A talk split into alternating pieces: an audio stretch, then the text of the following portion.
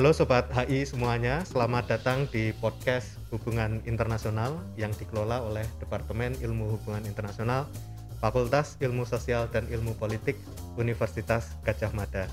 Nama saya Muhammad Rum, saya dosen pada Departemen Ilmu HI. Saat ini saya bersama Dr. Nur Rahmat Yuliantoro, Ketua Departemen Ilmu Hubungan Internasional. Pada kesempatan kali ini kita akan mendiskusikan mengenai boykot Olimpiade musim dingin Beijing 2022.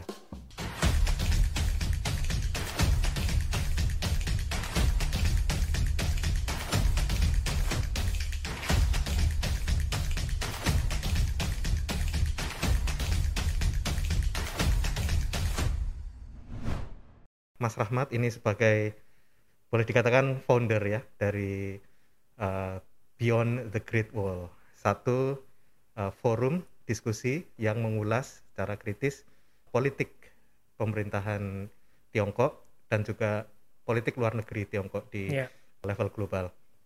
Oh, bagaimana kabarnya Mas Rahmat? Baik, alhamdulillah. Terima kasih Mas Rom.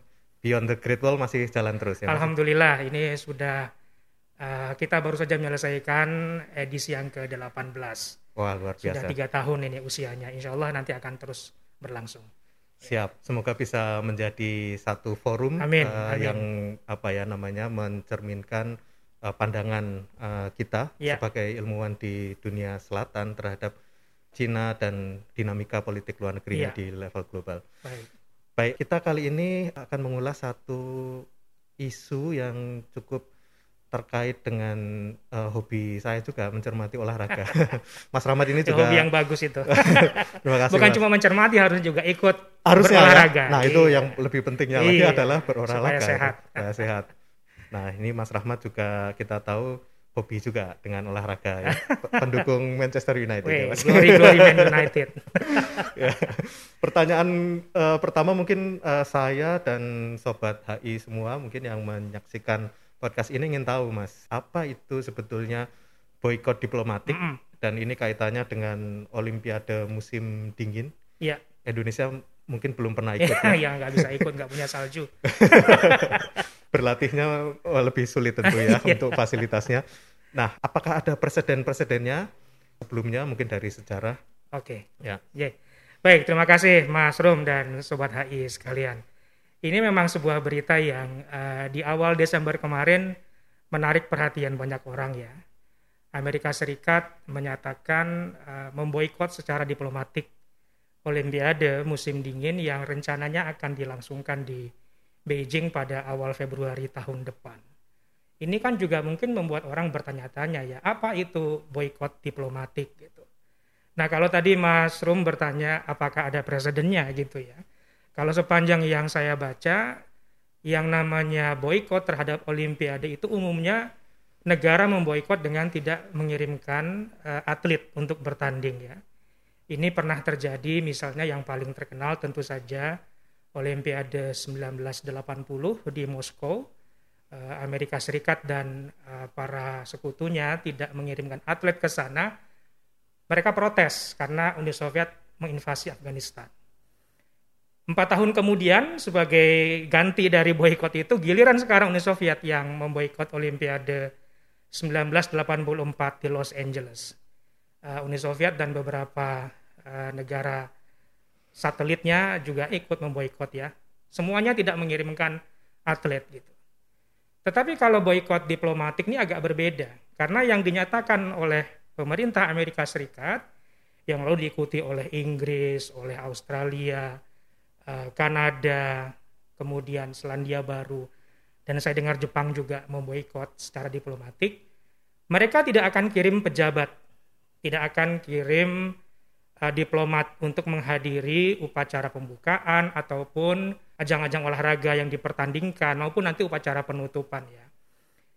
Kita kan tahu nih biasanya dalam setiap perhelatan uh, olahraga internasional biasanya kemudian ada tokoh-tokoh politik yang diundang ya. Nah ini Amerika Serikat jauh-jauh hari sudah mengatakan tidak, kami tidak akan mengirim perwakilan kami, tidak akan mengirim pejabat kami ke sana.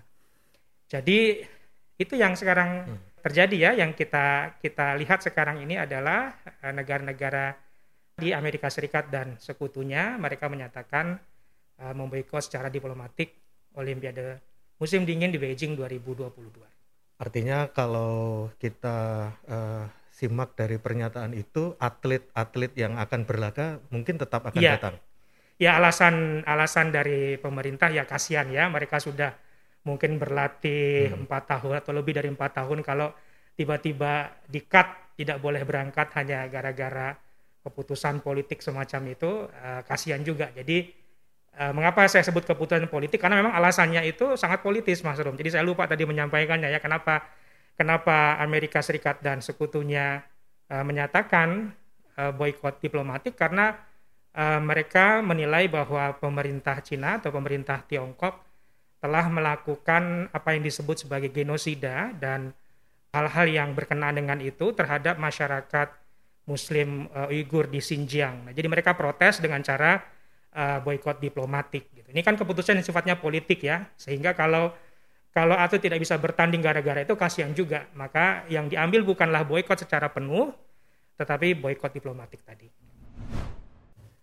Nah, Mas Rahmat, -hmm. ini terkait dengan dunia olahraga di Tiongkok. Akhir-akhir ini kita juga mendengar ada kasus pelecehan seksual yang dilakukan oleh mantan wakil perdana menteri Jang Kuoli terhadap atlet tenis perempuan uh, Peng Shuai yang ini kemudian dilanjutkan dengan suspension dari turnamen-turnamen mm -hmm. yang diselenggarakan mm -hmm. oleh WTA mm -hmm. di Tiongkok. Kemudian ya kita dengar isu soal boykot Olimpiade musim dingin ini. Yeah. Nah kalau kita mencermati bahwa di Amerika Serikat Partai Demokrat dan Joe Biden memenangkan pemilihan presiden. Mm-hmm. Ini artinya pemerintah Amerika Serikat berupaya untuk memenuhi ya ekspektasi dari uh, publik domestik untuk menggelurakan lagi semangat demokratisasi mm-hmm. dan lain sebagainya, mm-hmm. perlindungan HAM. Nah, uh, apakah uh, jalan yang diambil yaitu boykot terhadap Olimpiade musim dingin secara diplomatik ini mampu secara efektif menekan pemerintah Tiongkok yang kita kenal uh, punya karakteristik rezim yang lebih otoritarian gitu ya. Iya. Baik. Mas Rom, dari pertanyaan itu saya kira ada tiga poin ya yang bisa nanti kita diskusikan lagi ya mungkin lebih lanjut. Yang pertama adalah tadi yang Mas Rom bilang soal uh, pemerintah Amerika Serikat yang sekarang ini di bawah kepemimpinan Joe Biden yang tentunya ingin agar eh, negara-negara uh, menjalankan uh, demokratisasi ya sebagaimana itu merupakan ide dasar dari Amerika Serikat. Nah, ketika tadi saya mengatakan bahwa alasan utama dari boykot diplomatik itu adalah protes pemerintah Amerika Serikat terhadap situasi yang sedang terjadi di Xinjiang, sebenarnya ada dua hal lagi yang kemudian di, dijadikan sebagai alasan ya. Alasan yang pertama adalah uh, Washington melihat apa yang dilakukan oleh Beijing di Hong Kong ketika gerakan pro demokrasi di Hong Kong itu diberangus oleh pemerintah pusat uh, Cina, mereka juga melihat itu sebagai sesuatu yang keliru.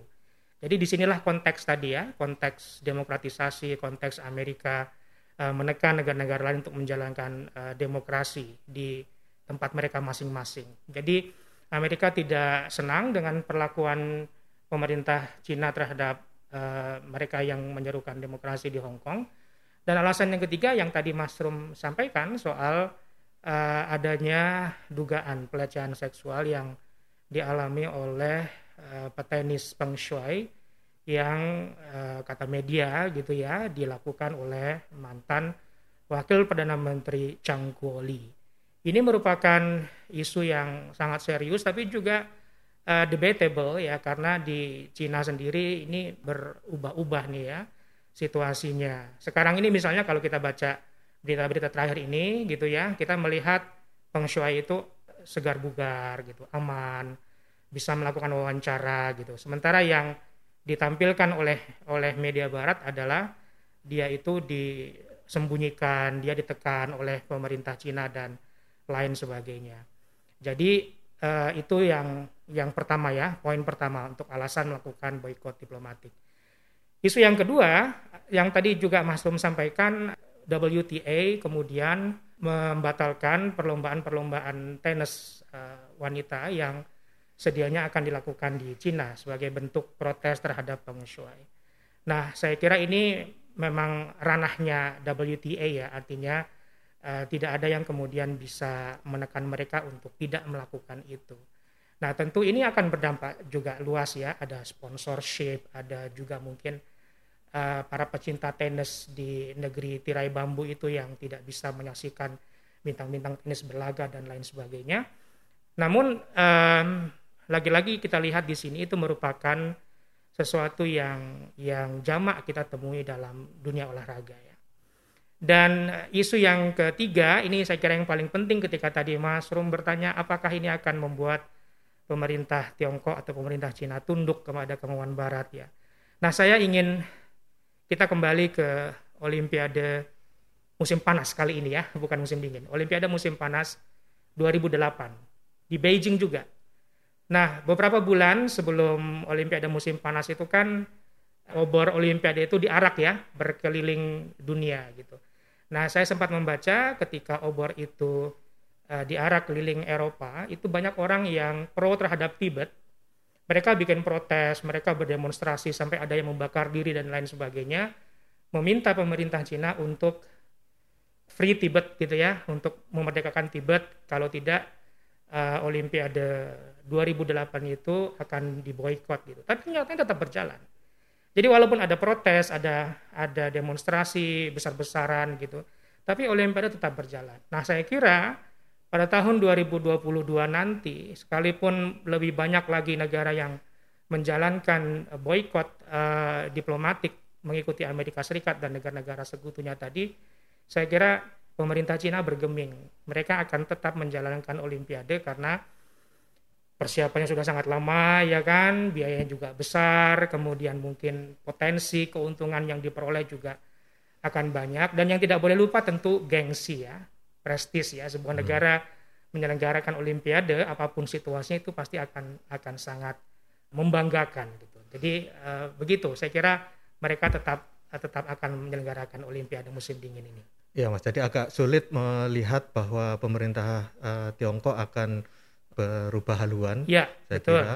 Dan juga kita uh, patut melihat juga bahwa pemerintah Tiongkok ini kan memiliki kendali ya mas atas uh, pemberitaan sensorship betul, dan sebagainya sehingga uh, kita betul-betul uh, kesulitan melihat apa sebetulnya yang betul. yang sudah terjadi ya. sehingga misalnya saja para petenis uh, dunia menunjukkan simpati terhadap uh, Peng Shuai uh, tentu uh, Peng Shuai menghadapi masalah yang sangat berat uh, dan dunia internasional uh, memilih untuk menekan ya memberikan tekanan terhadap pemerintah Tiongkok melalui aksi-aksi mm -hmm. uh, boykot uh, seperti itu.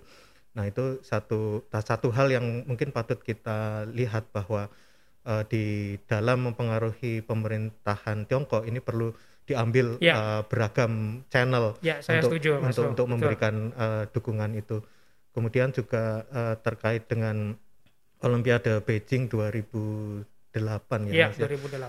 Olimpiade musim panas nampaknya ada uh, di dalam pemerintahan Amerika Serikat kan ada banyak sekali kelompok yang berbeda. Mungkin Partai Republik waktu ya. itu uh, punya. Ya itu itu saya ya. kira ini hal yang menarik juga ya, ya Mas Rom karena hmm. saya jadi ingat 2008 itu yang menjadi presiden hmm. itu George W. Bush hmm. dari Partai Republik.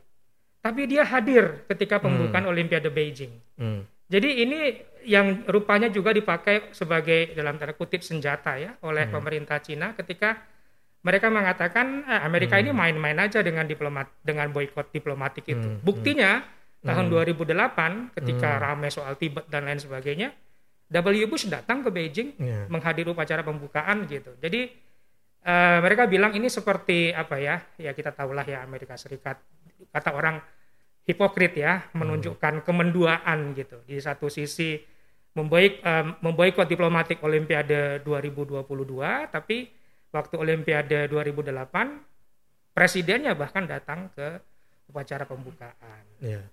Saya kira juga apa namanya mencerminkan mungkin juga uh, rezim pemerintahan Tiongkok gagal melihat kenyataan bahwa di Amerika Serikat aktornya tidak bisa dianggap satu ya, kan ya, artinya ya, mungkin betul. ada uh, posisi-posisi yang sifatnya bipartisanship disetujui oleh ya.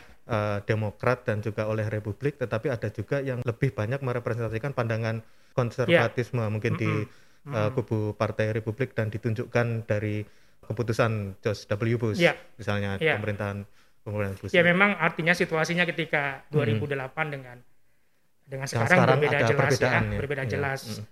Uh, lanskap politik internasional juga berbeda gitu. Aktor-aktornya juga tidak sama. Tapi sebetulnya kalau itu kita lihat dari sudut pandang politik luar negeri Amerika Serikat, ini kan ada satu kecenderungan yang sama ya, itu kecenderungan yang tadi Mas Rum bilang di awal tuh.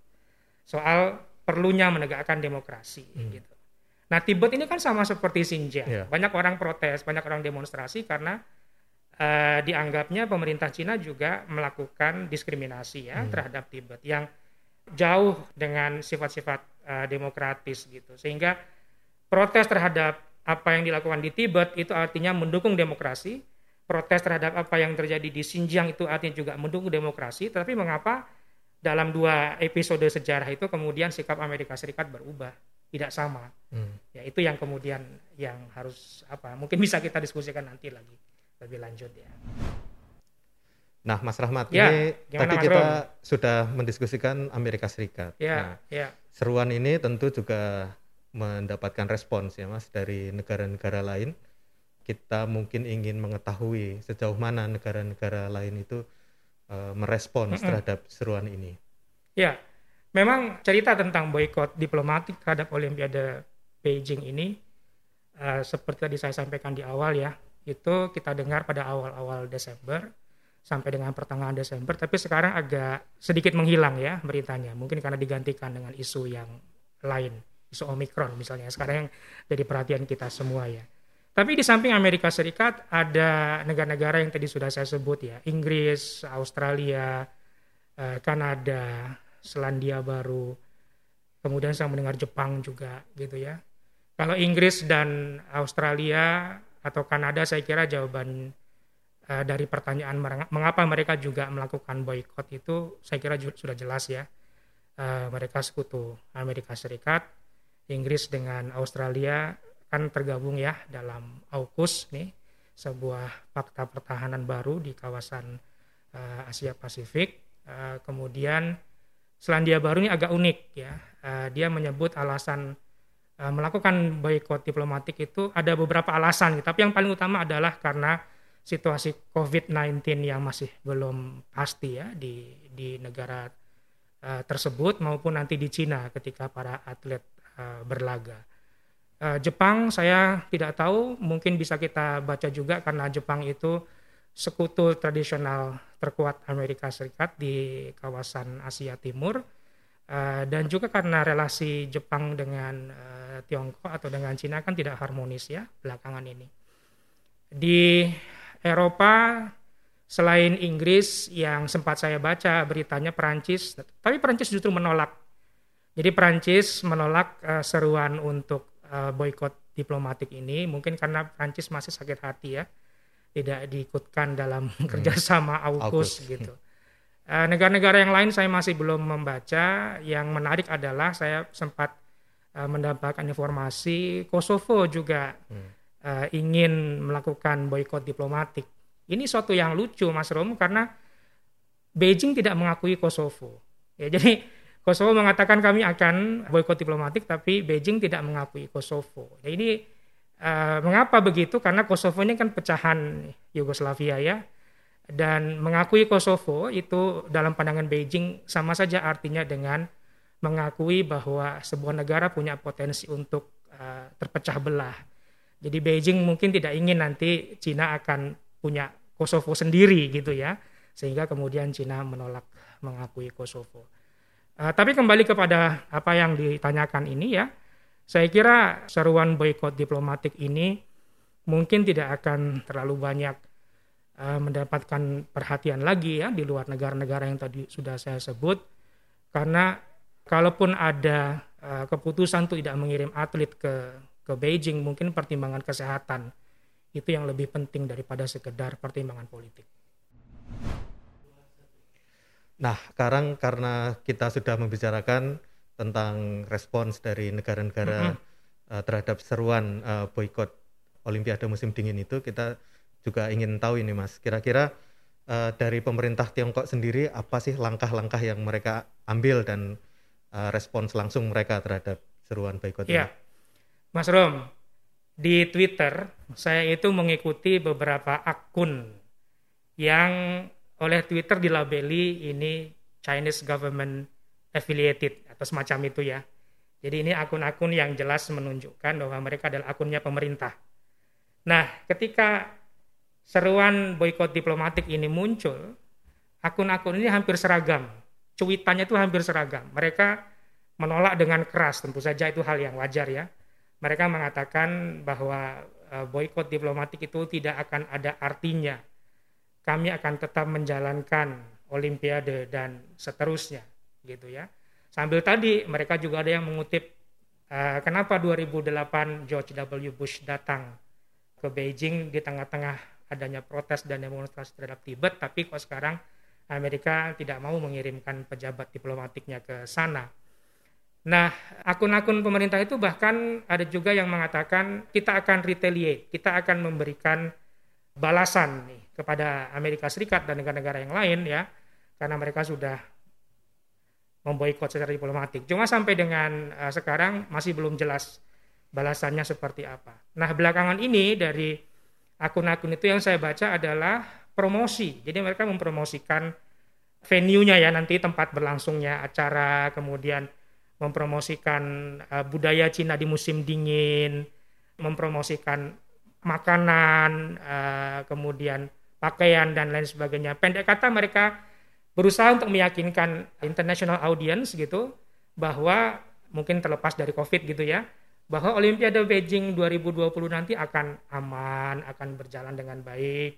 Kalau Anda datang ke sana sebagai atlet, Anda datang ke sana sebagai spectator, sebagai penonton, Anda akan mendapatkan pengalaman yang tidak terlupakan gitu ya, karena Cina akan menjadi host yang ramah, Cina akan menjadi host yang menyenangkan bagi semua. Jadi saya kira responnya begitu ya Mas Rom, awalnya tentu menolak gitu, menyanggah, mau membalas tapi belum jelas balasannya seperti apa dan belakangan ini sedikit lebih lunak. Ya saya kira supaya dunia internasional juga teryakinkan ya bahwa boykot diplomatik itu satu sisi gitu, tapi sisi yang lain adalah pemerintah Cina tetap bersiap-siap untuk mensukseskan Olimpiade tersebut. Jadi ada semacam multifaset ya, apa dalam uh, respons. Ya. ya. Tentu tentu juga kan apa masyarakat internasional uh, banyak juga yang mendukung boykot ini dalam arti uh, melihatnya sebagai upaya untuk mempromosikan perlindungan hak asasi mm -hmm. manusia dan itu mm -hmm. menjadi uh, tuntutan yang valid. Tetapi kita ya. lihat pemerintah Tiongkok ini punya apa mekanisme mungkin mereka sudah puluhan tahun sudah devising yeah, themselves with the yeah, strategy yeah. to respond to this kind of yeah. apa, nah, pressures itu. Iya betul. Hmm. Nah, sebelum saya lupa ya, Mas hmm. Rom ya, uh, tadi kan saya bilang ada dua fase respon gitu hmm. ya. Di fase yang pertama tadi ada juga tuh akun pemerintah hmm. uh, Cina yang menyatakan aneh ini orang-orang Amerika dan mereka yang memboikot itu. Olimpiade Beijing ini adalah ajang olahraga yang sifatnya itu uh, invited. Jadi harus ada undangan dulu gitu. Nah ini belum diundang tapi kok udah menolak untuk datang. Itu suatu hal yang mereka pandang lucu ya, absurd gitu. Hmm. Uh, gimana mungkin kamu menolak sebuah undangan padahal kamu diundang saja belum. Hmm. Nah itu fase yang pertama. Di fase yang kedua kemudian saya membaca juga uh, akun-akun di Twitter yang selama ini kritis terhadap pemerintah Cina. Mereka punya cuitan yang hampir seragam gitu. I will not watch Winter Olympics in Beijing. Jadi mereka tidak akan menyaksikan itu, baik mungkin datang secara langsung ataupun lewat televisi. Nah, kalau semakin banyak orang terpikat dengan cuitan itu, mereka juga tidak menyaksikan tayangan itu kan mungkin pemerintah Tiongkok juga berpikir Olimpiade ini mungkin akan ditonton oleh sedikit orang saja ya. Sehingga kemudian di fase kedua tadi hmm. seperti yang saya ceritakan, mereka bikin promosi tuh besar-besaran untuk menarik minat orang supaya terlepas dari persoalan diplomatik uh, boykot tadi, orang tetap tertarik untuk menyaksikan Olimpiade Beijing. Pertanyaan terakhir, Iya, Mas wah, Ahmad. sampai yang terakhir Sudah ya. sampai nggak, nggak terasa ini. Tidak terasa. Menarik sekali nih bicara soal boykot Olimpiade ini. Silakan Mas Siap. Rum. Ya, jadi pertanyaan terakhirnya adalah apa implikasi baik dari eh, respons dunia internasional maupun respons pemerintah eh, Tiongkok Mm-mm. terhadap seruan boykot Olimpiade musim dingin 2022 ini terhadap eh, dinamika politik internasional. Jadi eh, bagaimana itu nanti eh, misalnya bisa mempengaruhi ketegangan geopolitik yang memang selama ini telah mengemuka Mm-mm. di antara eh, Tiongkok dan Ya. eh, Wah, ini pertanyaan lain. yang Ya. sulit ini, makanya dikasih paling belakang Paling ya. paling belakang. Oke, gini Mas Rom dan Sobat HI sekalian. Ini ada, saya kira kita bisa melihatnya dari dua poin ya. Poin yang pertama, saya punya pandangan yang mungkin tidak begitu populer. Saya melihat bahwa belakangan ini Cina atau Tiongkok gitu ya, menjadi subjek dari bullying, perundungan pihak barat. Apa pun yang dilakukan oleh Cina itu selalu dilihat dengan kacamata yang negatif. Apa pun yang dilakukan oleh Cina itu dianggap sebagai sesuatu yang keliru, yang salah, sehingga harus diprotes dan diperbaiki. Apa pun yang dilakukan oleh Cina dianggap oleh Amerika Serikat dan sekutunya sebagai cara untuk mengambil alih dominasi, mengambil alih hegemoni yang selama ini telah dinikmati oleh Amerika dan negara-negara tadi.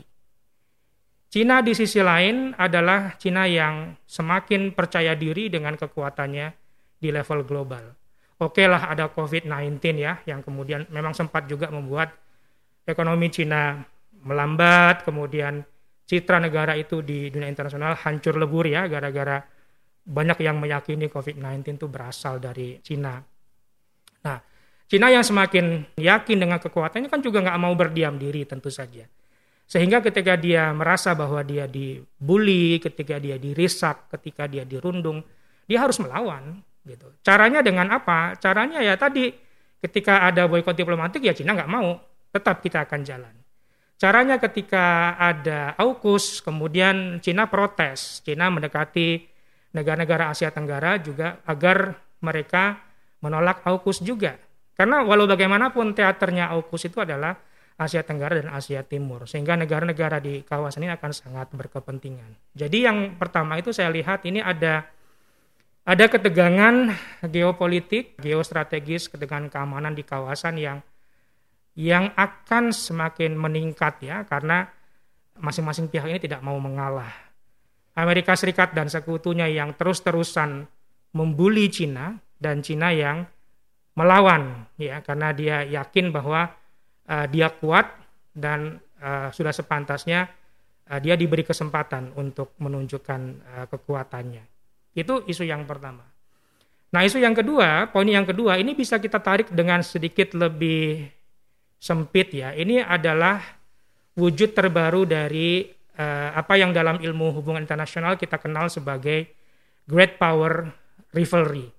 Persaingan antara great powers ya, antara Amerika Serikat uh, dengan Cina. Dalam berbagai hal kita bisa lihatlah dua negara ini sekarang saling berkontestasi, ada perang dagang, ada AUKUS tadi, ada Quad, ada diplomatic boycott dan lain sebagainya.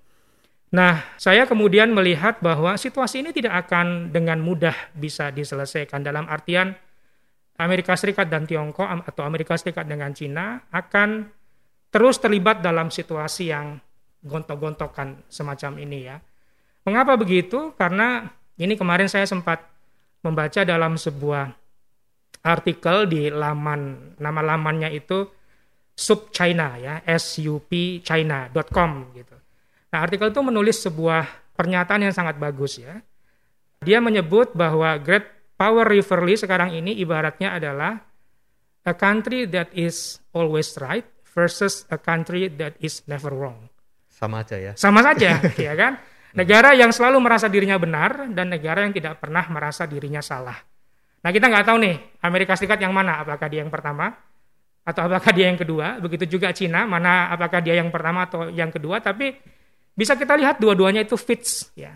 Dua-duanya cocok dengan pernyataan tadi. Jadi ketika kedua negara itu sama-sama merasa benar, sama-sama tidak pernah merasa salah, maka yang namanya ketegangan geopolitik, great power rivalry akan terus mengemuka dalam politik internasional.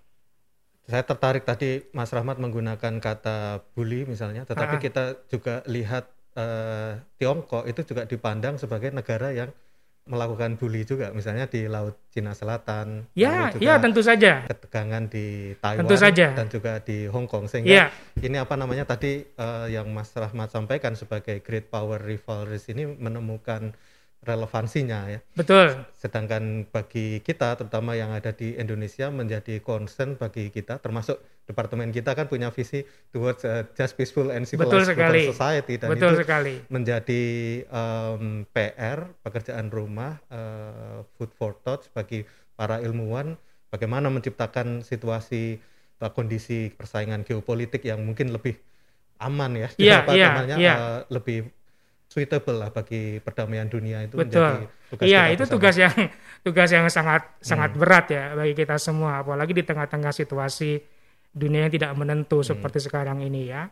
Ketika tadi saya mengatakan saya punya pandangan yang tidak populer tadi hmm. Mas Rum ya bahwa Cina merasa dirinya Saudi bully dan lain sebagainya bukan berarti hmm. bahwa saya mengatakan pemerintah Cina itu tidak sepenuhnya keliru ya.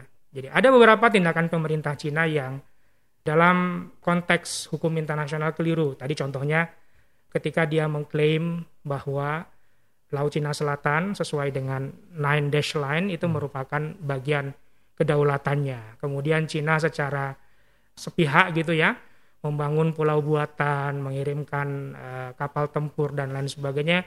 Yang tadi Mas Rom katakan itu kan juga membuli negara-negara hmm. Asia Tenggara yang berkonflik dengan Cina. Saya setuju dengan itu. Jadi apa yang dilakukan oleh Barat itu dianggap oleh Cina sebagai bullying, tapi dia sendiri juga melakukan hal yang serupa terhadap negara-negara yang lain gitu.